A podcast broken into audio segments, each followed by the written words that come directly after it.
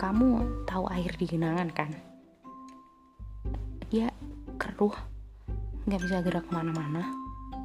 Dan itu beda sama mata air. Dia jernih ngalir dan ngasih kehidupan buat setiap makhluk. Dan itu sama kayak pengetahuan. So di podcast ini kamu bakal belajar bareng Alumin Stay tuned and see you.